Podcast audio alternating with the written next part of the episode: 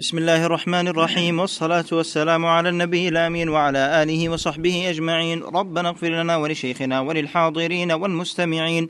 قال الإمام المجدد محمد بن عبد الوهاب في كتابه كتاب التوحيد باب التسمي بقاضي القضاة ونحوه.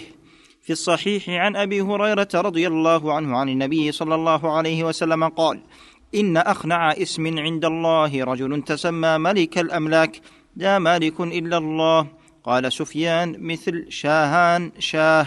وفي رواية أغيظ رجل على الله يوم القيامة وأخبثه. قوله أخنع يعني أوضع. بسم الله الرحمن الرحيم. الحمد لله رب العالمين.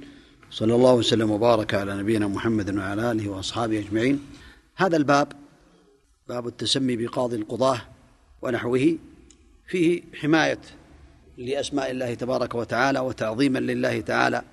تعظيما لأسمائه سبحانه وتعالى فلا يسمى شيء بشيء يختص الله تعالى به.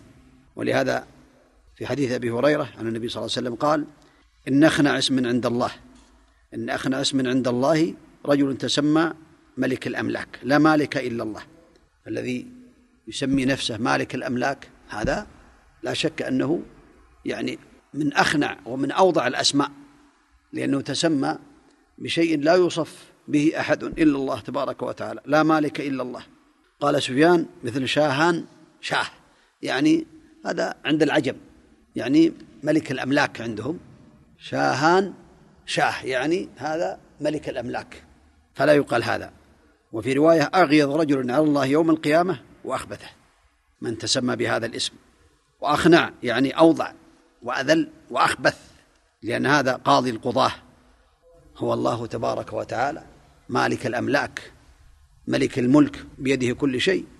ولا بأس أن يقال قاضي قضاة الرياض مثلا.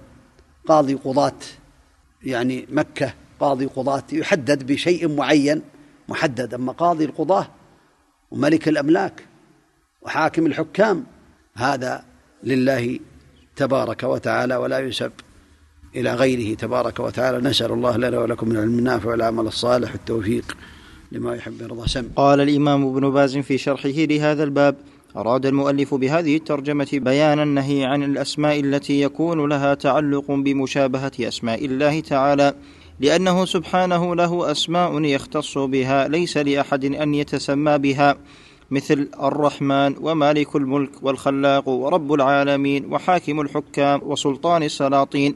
ونحوها لأن من كمال التوحيد وتمام التوحيد عدم التسمي بهذه الأسماء والتسمي بها ينقص التوحيد والإيمان ودخول فيما لا ينبغي وكذلك قاضي القضاة وهذا يقع في بعض الدول وإن كانوا يريدون به قاضي قضاة البلاد لكن إطلاقه غير مناسب ولا ينبغي.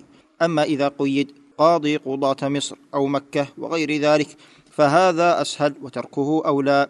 كأن يسمى رئيس القضاة أو أمين القضاة مما يبتعد به عن هذه الصفات المطلقة. وفي الصحيح عن أبي هريرة رضي الله عنه عن النبي صلى الله عليه وسلم قال إن أخنع اسم عند الله رجل الحديث أخنع أوضع وأذل وأردأ اسم. فأنكر النبي صلى الله عليه وسلم هذا الاسم لأنه يوهم وصفا لا يليق به. ولا يليق إلا بالله تعالى. فليس الإنسان ملك الأملاك بل هو ليس أهلا له وعليه أن يتسمى بالأسماء الأخرى التي تليق به. شاهان شاه اسم عند العجم معناه ملك الملوك. انتهى كلامه رحمه الله. صلى الله لنا ولكم العلم النافع والعمل الصالح والتوفيق لما يحب ويرضاه.